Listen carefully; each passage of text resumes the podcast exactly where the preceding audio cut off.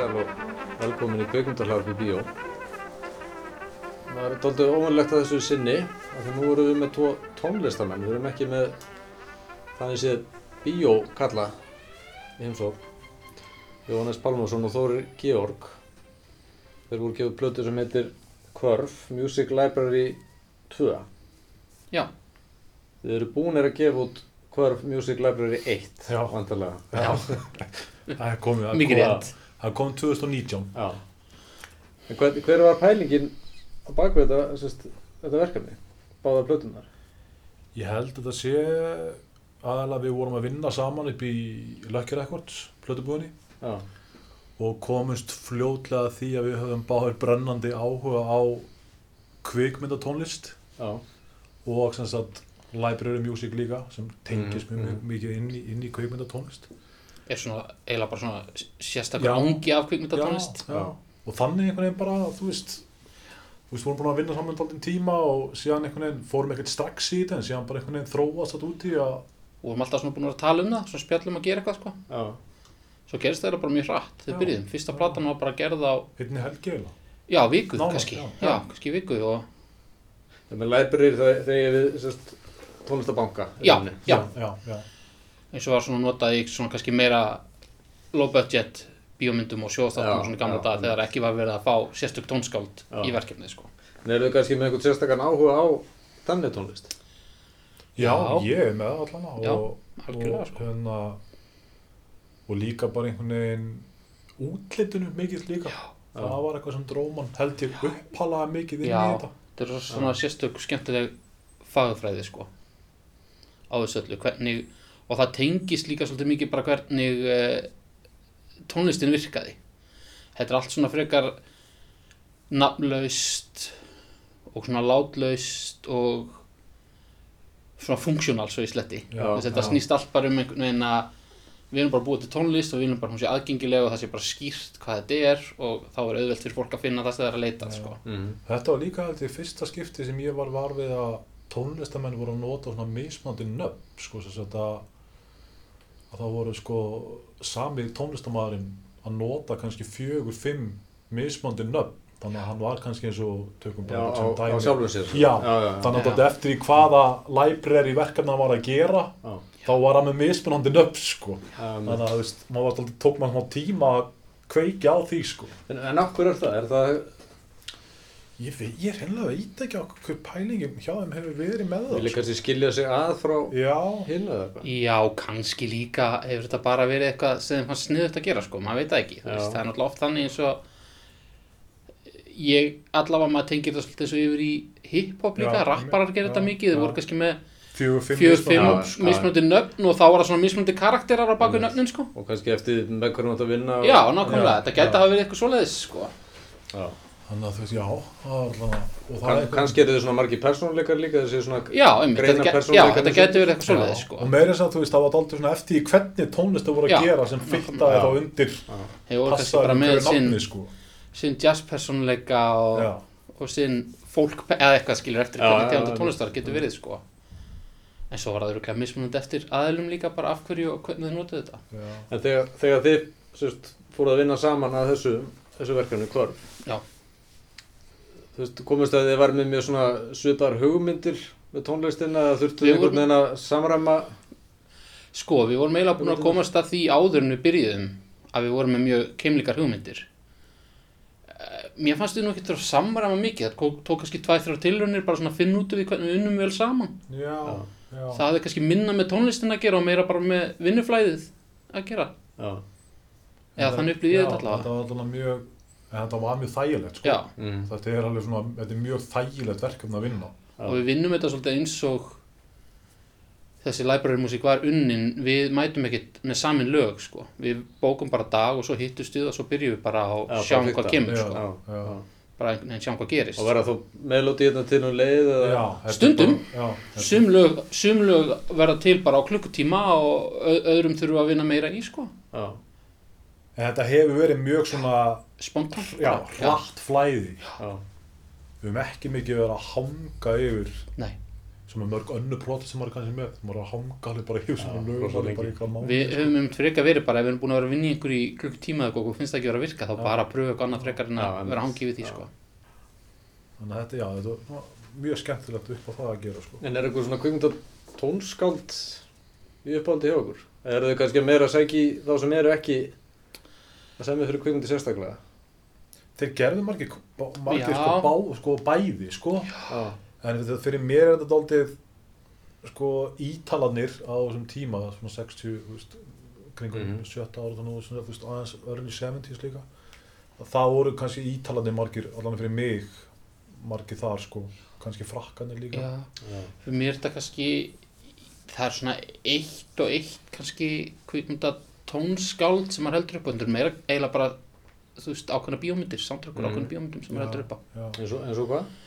uh, Ég held mjög mikið og Jói held ég líka það var tekna skrýtlingsmynd sem þetta Valerie Under Week of Wonders Já. sem er alveg flott soundtrack svo er þetta oft bara skrýtni hlutir eins og það voru gerðir ég held að þetta hefði verið 80 eitthvað gerðið pólska ríkisjóðarpið Múmin brúðumyndir fekk einhverja brest, Já. tvo breyta til þess að gera soundtrack við það Já. sem er bara geðveikt sko.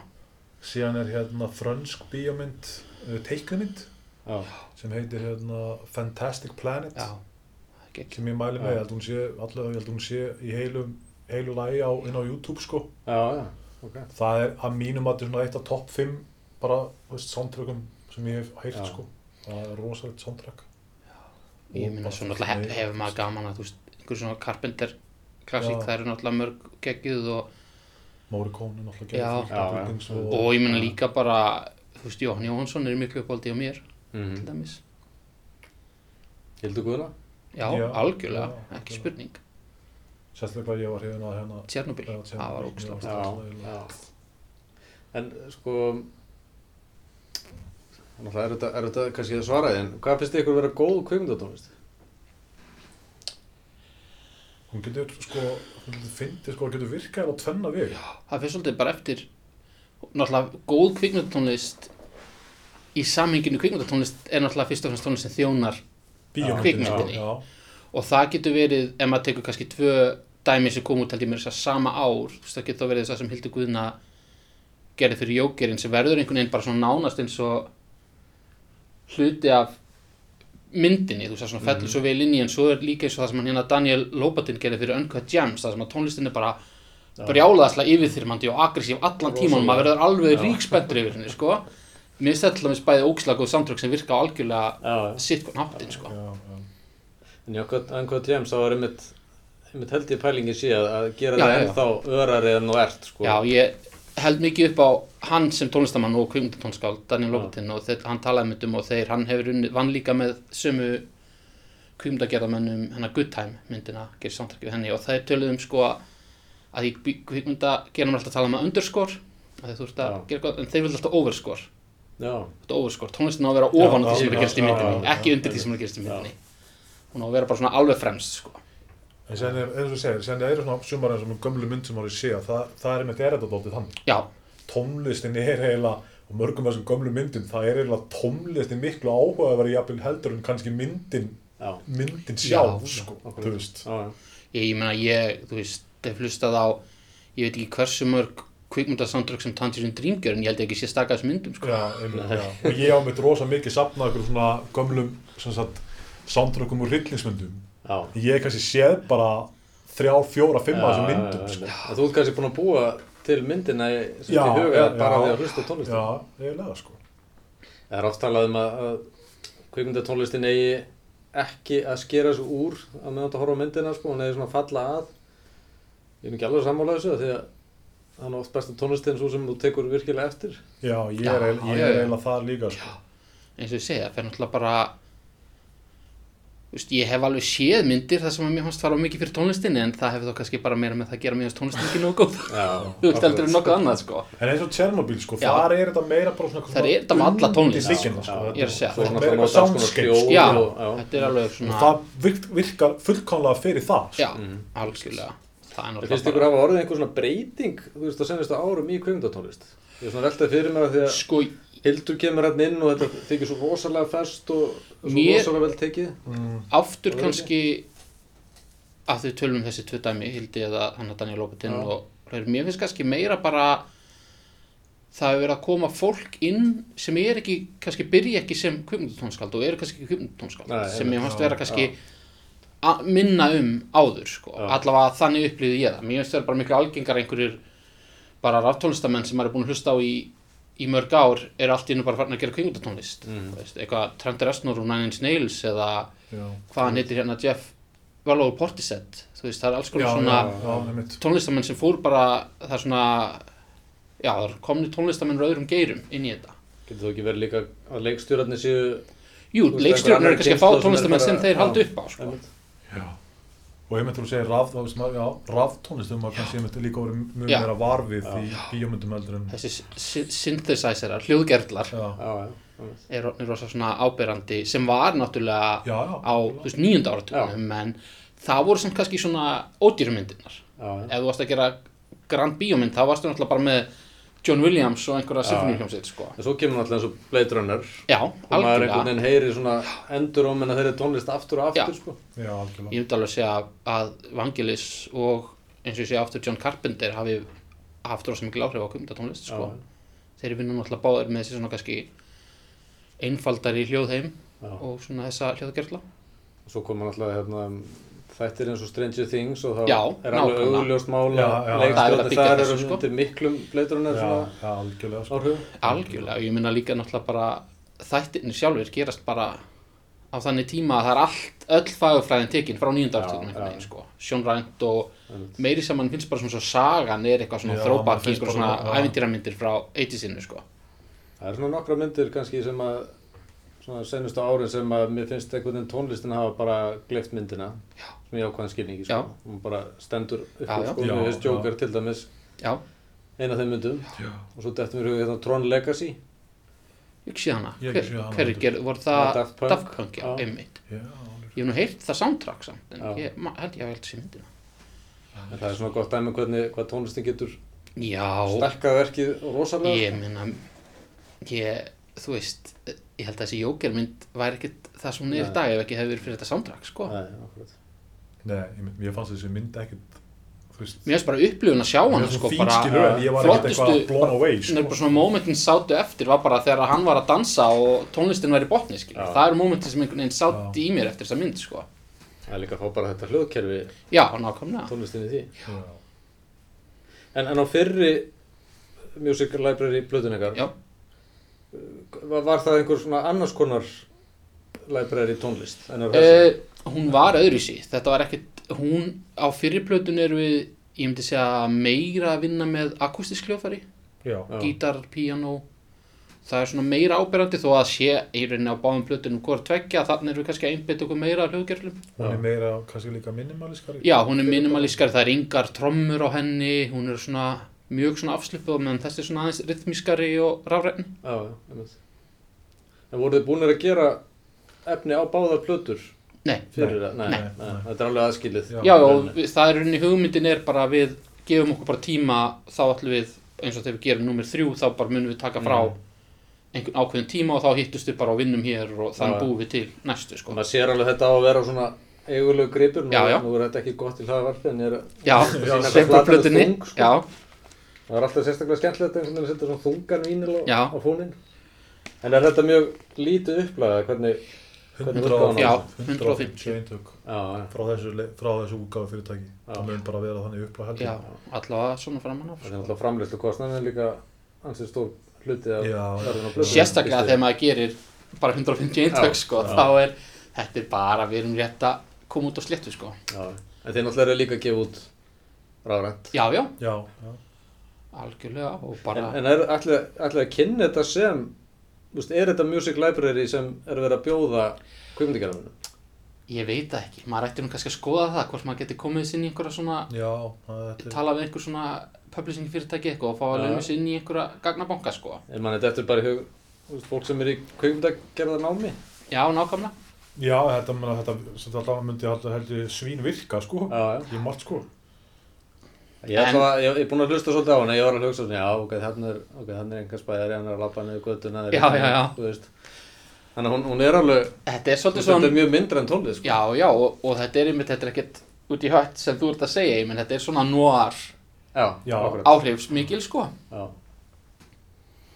Þetta er kannski ekki endilega í Disney myndir sem að við erum að sjá þetta fyrir okkur sko þegar við erum að þetta til en Killer in the Rain, sko. Það er, Já, er eru nú, já, segir mér eins og þeir. já, Var- þeir eru, þetta er bara gamlar það. Þetta er Já. titlar á gamlum bókum sko. gamlu bó- bókatillar. Já. Það var líka þannig á fyrir plötu. Já, af því Já, það er já. engin texti í lögunum okkar þannig að titlarnir eru bara svona Þannig að þeir eru ekki að lýsa í rauninni ekkert endilega, nei, Nei. ekkert endilega en ég mun að það er alveg gaman þegar að eitthvað smellur saman sko. Já, já. Þetta var þannig til að ég var með annað húsnæði og það var einn hérna pappi fél, hérna félaga minn sem var með mig mikið að svona Stórt bókum. sko. Hann bara með bókasafni sitt í stúdíónu og þar sá ég bara að það var bara fullt af þessum gamlu Þetta var eiginlega allt já. gamlar svona hérna já, kiljur einhverjar og, einhver, og þá bara svona, á, herru, þetta er einhvern veginn og út af því að líka fyndi með það að þess að albúm sko, sko, albúmun á þessum bókum eða sko, kápan er ofta til mjög líkt Já. sko þessu library Þetta er náttúrulega hvernig coverin Já, út sko. Þetta er náttúrulega er svolítið stórt á svipum tíma Já, Þetta er þetta svona 7. og 8. áratugur Einmitt. og þetta er svona lúk sem að var í gangi þá sko. Þannig að það er svona, þá fannst manni, já, herru, þetta notum sense. bara, notum bara nöfnin á þessum bókum. Einmitt. Og spara ykkur þetta við sem að að þurfa að finna ykkur nöfn sérstaklega að það er engin texti sko. Já, þá er þetta alveg, það er algjört pein að- finna nöfn á lög sem er ekki sungið sko. já. Ef- En ef- rosalega opið líka samt. Já, já. Það er alltaf bara sagt, bara skipta hvað sem er, sko. Ef að hlusta á aðeins á Killer in the Rain Já,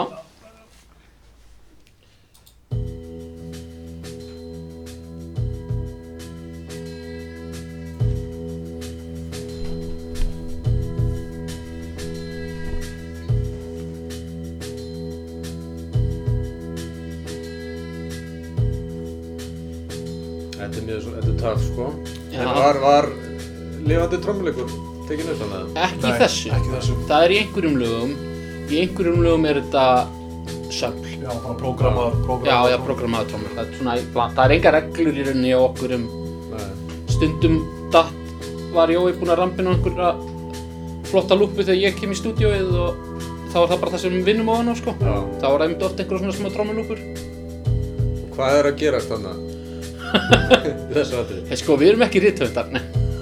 Sko, þetta er í rauninni eins og þetta lag. Já, Þetta er í rauninni bara eins og bassin í þessu lagi, bara ein nóta. já, Það er bara sama bassanótan og grúfið er eiginlega bara út all lagi. Já. Það er bara að vera að byggja von á það. Þú veist, inn og út alls konar hluti sem koma að inn. já. Þetta er rosa mikið eitthvað svona, ma- eða ég svona, andrumslofti sem maður er að hugsa um er einmitt eitthvað svona kannski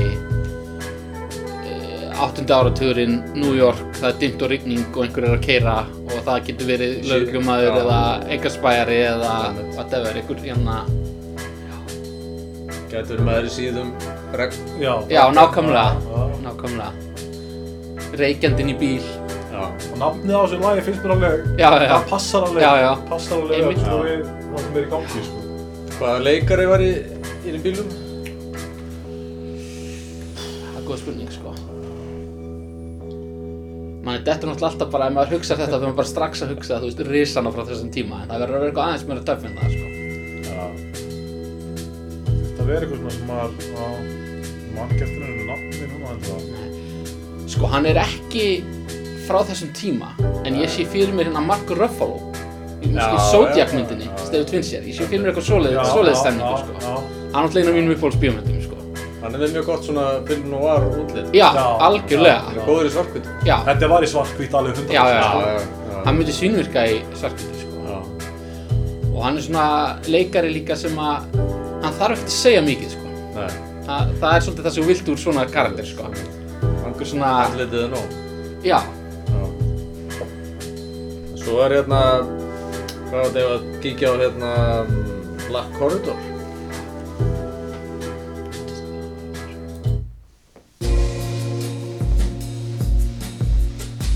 Er nú smá, og eftir kemur nú smá Morricone já, já, já, Já. einmitt. feelingur, sko. Já. Það er meiri, það svona meiri treyji þannig Já. sko. Þetta er svolítið svona mikið svona, þetta væri svona kreditlistalag held ég sko. Eða svona kem í restina. Já. Já, get, kemur svo í lokin Já, sko. það getur virkað við það, sko. Ég finnst svona, já, það er svona einhver, einhver eftirsjá í Já, skynja, já, já. sko. Það er einhver svona leiður og Já, já, eitthvað hann hefur gert af sér. sko. Ég held að þetta hafi verið eitt af fyrstu lögum. Ég held að þetta sé sennilega fyrsta lagið sem við gerum þessu blödu. Þetta er live gítarleikur. Já, jú, jú, það er fullt af gítarleik og bassa á þessari plötu, þetta er bara það er bara kannski ekki alveg jafn ábyrrandi og var á fyrir plötunni eða meira af hljóðgerlum á þessari sko Já, þú veist, allir hljóðfærleikurinn er náttúrulega bara live Já, spilaður. gítar og bassi og- Trómunar eru stundum bara prógramaðar. Kannski þessi pínu, ég pínu ágjör þessu. Hverjir voru að, hverja fenguð þið hérna til að spila?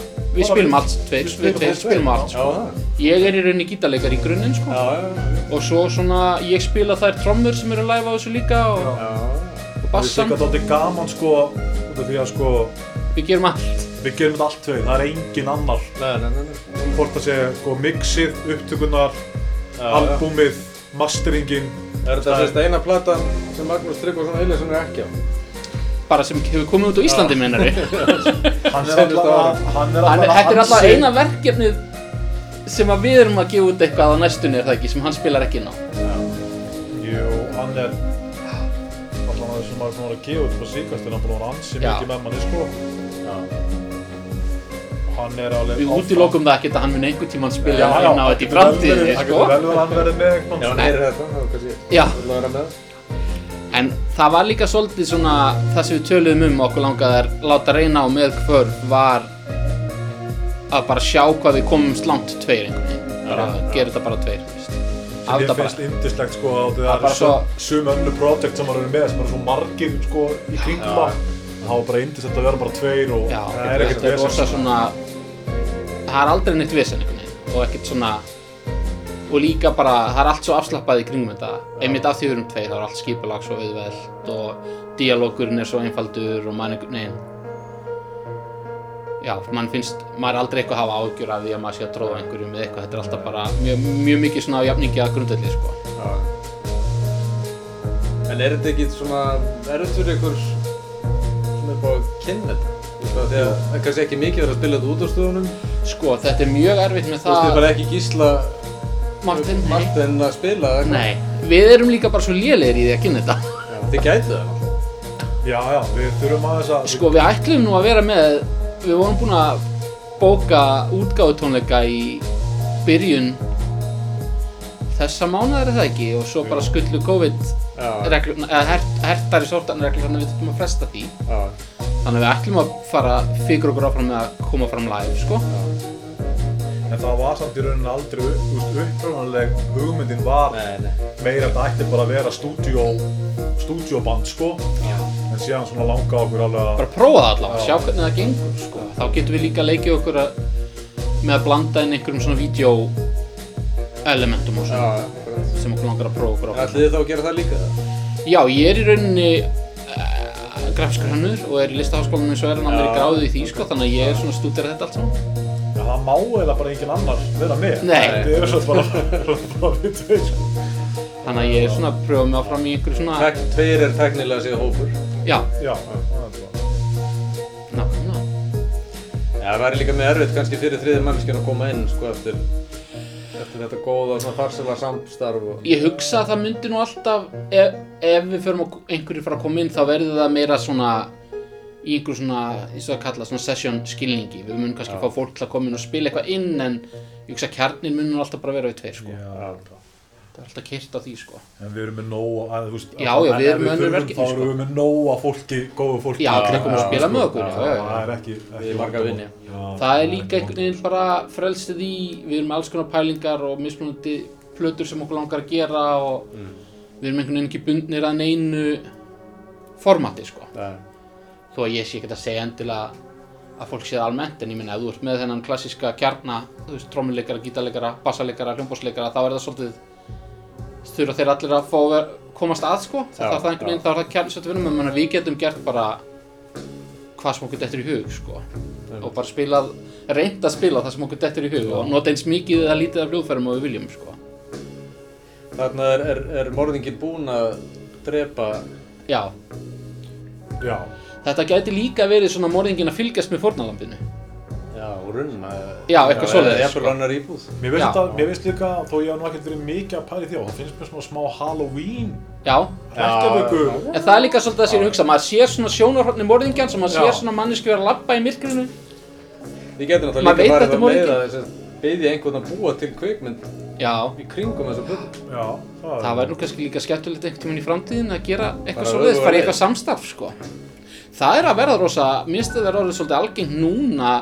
öruglega einhverjum hluta til út af COVID. Já. Ég er búinn að sjá nokkur stundum hljómsdur gefa plötur og það koma bara myndir með plötunum, sko. Af því að það getur enginn spilað Nei, á nei, nei, tónleikum, nei. það er ekkert að próndar, þannig að fólk er að finna svona nýja leiðir til þess að fá fólk til þess að tjekka á þessu, sko. Já. Já, þetta er náttúrulega verður alltaf mikilvægur og mikilvægur en þetta reyfi efni. Já, ná, sérstaklega maður er eitthvað að reyna að reyna að koma samlega á framfæri á netinu og svona, þá er held ég það svona það sem að virkar oft best á fólk, sko. Já. Hvað er þetta, bara svona undir, undir lokin? Já. Er ykkur uppáhalds kvikmyndir? Svona að því þetta er kvikmyndarhlaðarp líka? já Það er alveg sama eins og ég nefndi á hann, hann Fantastic Planet Já, ég Ég er að mjög, ég er mjög hrifin af henni uh, Svo þegar maður er spurður af einhverjum svona, þá Já. bara, þá bara Ég er hryllingsmynda fanatikir, sko. Já. og alveg svona hef gaman af bara öll, allri flórin sko. nýlegt, ég meina hvað heitir hann hérna Ari, ah, gerir hérna Hereditary og Midsommar, mér finnst það báðar geggjaðar mér finnst þannig að The Witch sem kom fyrir nokkur ára síðan, hrikalega góð en svona, ég svo að Zodiac eftir David Fincher, náttúrulega ekki hryllingsmynd en samt svona Já, þessi svona er er spenna sko, ég horfi á hana örgulega Já. tvissar ári sko, samt er hún þú veist, sex klukktímar eða eitthvað. Exorcist, þú veist. Já. það er svona go to sko, þetta er svona ef maður vill geta svarað þessari spurningu þá er það svona, ég er aldrei að ljúga ef ég segja það sé uppáhaldsmyndi mín sko.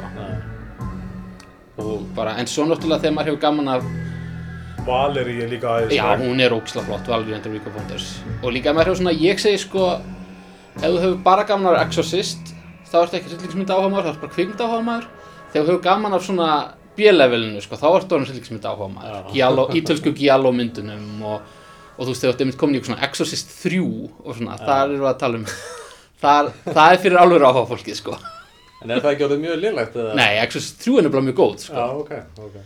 en e, það eru nokkrar mjög lélegar hann í þeirri samt sko. Hvað eru það eða orðna marga myndir?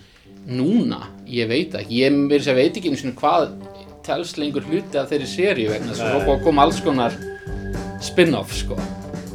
Og einhverja sem heiti eitthvað svona Exorcist of eitthvað sem að er um það sama en ég held að séu þetta ekki hluti af þessari seríu sko. Jú, ég meina Thing eftir Carpenter, það geggjuð Ég er rosa hrifinn af Shining Kubrick, það er svolítið svona Það er nú flott tónlist þar. Já, en það er svolítið svona umdild mynd með hryllingsmynda áhuga fólk sko, sem ég vilja bara meina að Stanley Kubrick hafi ekki kunnað að búið til hryllingsmynd sko. Nei, kannski svona öðru, öðru sér hittingur. Hún er nefnilega öðru í sig, og- en hún er líka bara sjónrænt Já, svo sjónrænt. ótrúlega flott sko. Þetta er svona þessu undirliggjandi hitting. Já, Það er ekki alveg Nei, einmitt. yfirborðið. Sem er oft bara meiri Mest- hryllingur Já, já, já. Það mig þú veist. algjörlega. Ég var ógeðslega hrifin af Mandy sem að Jón Jónsson gerir samdrakkið í eftir Já. hann hérna Panos Já, eftir að sjá þá mynd hérna Já, hvað heitir hann? Kos, hérna. Kosmodos, nei, já, eitthvað svo Með hann Nicolas Cage. Jú, Já. sem gerði hann að Beyond the Black Rainbow líka á undan Mér finnst hún ógeðslega vel hérna Það er eitt af minn, ég elska Já. það, elska það hérna soundtrack en ég hef ekki séð sé myndina sko. Ég horfi rosalega mikið á hryllingsmyndir og ég horfi það mikið á hryllingsmyndir að nú orðið er ég oftast bara að horfa á eitthvað, eitthvað algjört rusl að ég er búinn að sjá allt hitt sko. Já. En svo er alltaf, það er líka góða við svona sjanramyndir alltaf, maður rampar alltaf annars slæðið inn á einhverja mynd sem mann finnst bara geggjuð þó að það sé bara einhver mynd sem að varð aldrei neitt sko. Já. En hvar, þú veist, hvar grafið upp þessar myndir og þessar tónlist? Þú veist, eru þið bara á netinu að Já. að tala um það? Rosa mikið sko. Já, ég ætla að, þú veist, ég held kannski að Þórir hafi pælt meiri í þessu heldur en ég sko út frá kvikmyndunum sjálfum Já, Ég hef aðalega að pæli þessu frá tónlistinni sko tónlistinni sjálfur. Já. Þannig að, en ég veit ekki hvað, þú veist, ég held að ég hafi kannski upphala alveg í byrjun kannski bara út af, út af hip-hopinu þegar maður var að gera hip-hop í gamla Já, daga. Það var þetta svona stórt að leika eftir einhverjum sjöflum og svona frá þessari tónlist sko. Já, ég dætt svolítið nýtt í gegnum bæði kvikmyndir en líka svolítið tónlist. Það er sagt útgáfa sem ég verð snemma mjög hrifna sem heitir Ghostbox. Já. Bresk útgáfa sem gefur mikið á svona listamönnum sem er einmitt undir áhrifum frá svona læbrunum. Sko. Þannig kynnist ég svolítið þessu konsepti, sko. Bara svona upphafi, bara svona var- rétt upp úr alltaf- 2000, Já, sko. þú veist eins og, bara eins og Portisett eða eitthvað. Já, Já, já. Portisett vorum alltaf þvílíkum áhrifum frá þessi Já, byrjun já, og, og, bro, og broadcast já, og, ein broadcast tengi alltaf svo mikið við Ghostbox. Þetta var svona sami og fleiri þessi hópurinn, bönd, sko. Já, Það er aldrei bíóleg tónlist, Portisett. já, nákvæmlega. Þeir En það er að segja, hann er náttúrulega farin að gera, hann er búinn að gera fullt af samtrökkum, er það ekki? Jú. Þetta er mitt bara mjög Portisett-legt lag. Já, á þessi byrjun? Á hennar Byrjunin, já. Já. Dummy kannski, já. Já. Já. Já, hann er alltaf, hann, hann Jeff, hann, hann, gerir alltaf samtlækið með ykkur, já, ég man ekki hvað hann heitir. einmitt. Alltaf tveir sem gera, Ég var einmitt að horfa á einhverja myndaginn, mann ekki hvað það var, og hugsa, var að hugsa með mig hvað var flott tónlistínu, svo sá ég í lókinu að það voru þeir sem að það voru gera þeir tveir. Já, tónlistina. Þeir eru vera þetta duglega, sko. Svona David Lynch myndirnar átt með þessi. Já, Flott Badalamenti er Já. náttúrulega ógislega klár. Ég er náttúrulega sá, Sér líka bara tónlist sem David Lynch hefur gert sjálfur,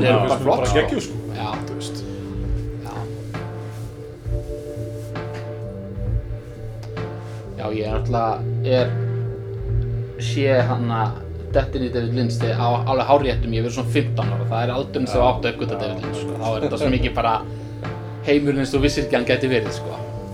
Ég man, já, já, Lost Highway. hún Já. er svona- Það var fyrsta sem ég sá, sko. vel í, sko.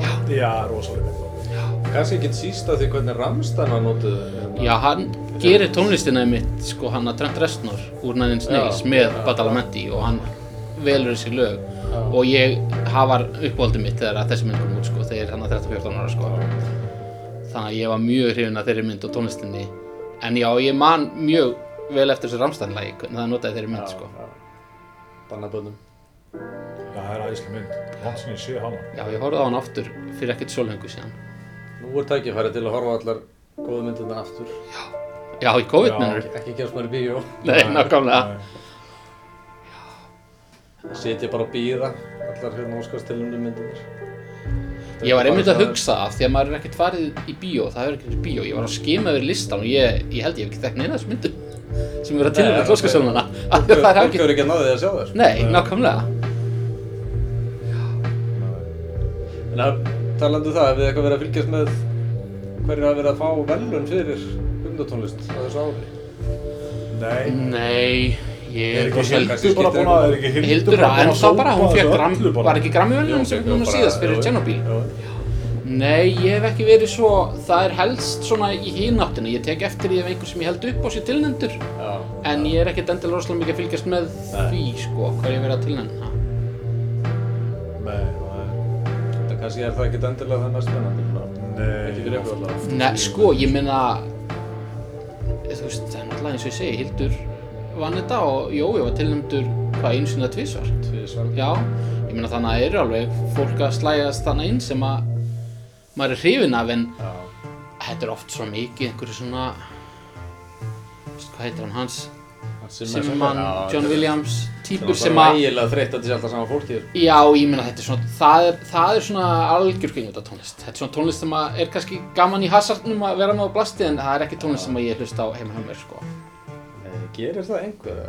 Já, ég meina, ég veit það ekki, þetta er gefið út á plötum allavega. Situr einhver heim og hlustar á John Williams alveg í bótt? Ábyggilega. Sko, ég get sagt þér það, ég get sagt þér það, ég vann á leikskóla í mörg ár. Ég get sagt þér hverjir eru að hlusta á John Williams. Það eru leikskólabönn. Það eru fimm ára Já, strákarnir já, sem eru nýbúin að sjá Star Wars. Þeir eru að hlusta á John Williams, sko. Nei, þú veist, maður gerur þetta ekkert lítið úr því, sko. Nei, nei. Gekkið tónlist. Já, já, Þú veist, þessi, fyrir en, Já. það sem litið, sko. Já. en þetta er svolítið yfirdrifið, þetta er kannski, maður þarf Já. svolítið að vera í að horfa á myndina til þess að einhvern veginn, þetta virki fyrir mann, sko. En er ekki líka bara svona að því þú svo reyðun rillismyndum, er ekki Hitchcock svona eiginlega frumkvöðl í, daldið í, hérna, þannig tónlist? Jú, Hann samtið við Psycho, já, til dæmis. hann er alltaf frumkvöðli þannig myndum, hann miklu veit ég sko. Jú, það er kannski svona mikið af því er svona kannski aðeins fyrir það sem að mér fyrir að finnast mest spennandi sem svona Já, tónlistin ein og sér sko. Þá minnst myndir hans náttúrulega frábærar og tónlistin frábær í því samhengi sko. Já, það er náttúrulega bara allt þú veist Hitchcock og tónlistin og Sol Bass og allur þessi pakki þetta er bara ég held að fólk átti sig ekki alveg á því hvað hann var í raun áhrif mikill sko. Og líka svona þótt ekki alltaf svo merkilegur á sínum tíma sko. Það var svolítið svona, fólk var oft svolítið lengi að átt að sjá því hvað það verið gott já. sko. já, en svo, svo er það líka til kveikmynd tónlista sem er heilmikill húmor í gangi, sko. já, já, Það voru þættir hérna bara fyrir stutt á rúf sem myndi að vera í English Scandal, sáu þið á? Nei. Nei. Það er svona viljandi að vera búa til opaslega gamaldags sjónvastáttartónlist já, já, já, já, sem að eiginlega bara virkaði lægilegt, sko. já. En virkaði það fyrir þættin? Já, algjörlega. Já, algjörlega. Já. Þeir eru að gera 60 eitthvað og þeir, þeir fóru alveg inn í þennan, þetta tímabil, sko. Já, ok. Já, já, já. ok. Og allt útlitið á, já. á þáttunum. en það er líka oft minna allavega fyrir mig mikið af þessari library tónlist og tónlist sem er gerð undir áhrifum þetta er svona mikið af þessi er svona pínu kitsch sko. það er svona smá húmor í þessu bara einhvern veginn í grunninn sko. Já, þetta er svona einhver svona lounge exotiku stemning sem er svona það er smá húmor í því sko. já. þetta er ekkert, ekkert alltaf einhver grafans alvara sko. Nei, nei. En þið, þið ætlaði að gera plöt nummer þrjú? já, og vonandi fleiri bara Já. Það var jafnvel kannski einhver pæling að næsta plata á er jafnvel þrjú og fjögur saman, sko. Já, ok, double. Já, það gæti farið Sjá, þannig. Sjáum bara hvernig það þróast, að það virkar, sko. Já. Jú, ég meina þetta er svona projekt sem að ég sé fyrir mér að, þú veist, það verður kannski mismunandi, stundum líða kannski fimm ára á milli og stundum eitt ára á milli en ég held að þetta verði bara í gangi, sko. Já. Þannig sé ég þetta allavega fyrir mér. Það er svona flott nafn, Förf. Þórir á... Já, Áttu þú það? já, Ég er á því. Það er svona frásagnar tengt. já. Mér fannst það sko, mér fannst það svo gott af því að það er það, sko. En svo er þetta náttúrulega líka hverf upp í Kópói, sem ég var svolítið fyndið. Bara hverf, Hverf. hverfin upp í Já, sko. já, já, einmitt. Og mér fannst það fyndið það, því að mér finnst alltaf svona staðarnöfn svo skemmtilega í, hljómsveitum og Það tónlist. hrifin af hverfunum í Kópavogi. Nei, ég hef ekki eitt miklu tíma. Mér finnst það bara flott orð og mér finnst líka gott að þetta var það líka, sko. Já, já. Það ég veist ekki eins og að því, sko. Að ég er bara að fá, það núna bara. sko. En Þetta er hérna sérstaklega góð plata fyrir þá sem búið í Góð- hverfunum. já, já, allir, allir sem Já. búið í köruna komið Og splutu. endaði Og báða, að sko. kaupa, Já. Já. Þá var það bara upplæðið búið. Að heyra allir- En, en ef einhver allar að kaupa plötuna, hvað er maður að gera það? Hún er bara Hún til bara í til í öllum öllum blödubúðum í Reykjavík.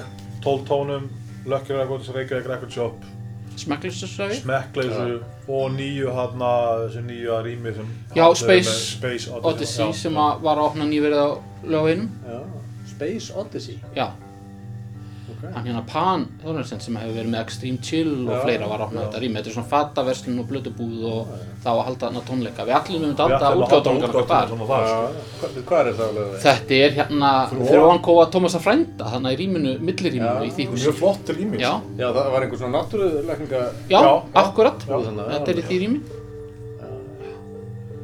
Það er alltaf mikið, að fara að gera þetta lögum. Alltaf túristabúðunar eru opnar. Já, Já, þetta er kannski bara besta sem gætt gæst fyrir lögavegin, sko. já. Og við myndum að tala með um daginn, þetta manni líður svona pínlítið þegar maður lappa niður lögu en núna eins og svona 2006, 7, 8 Já, já, þegar allt, öll, það var búið að loka öllu en það var ekki byrjað að opna túristabúðunar sko. Já, Það er svona nokkur hnignuna skeið. Já, já, Takk fyrir spjallið. Sömulegis, Já, takk langt fyrir. og blöðra. já, Þakka takk fyrir. fyrir okkur.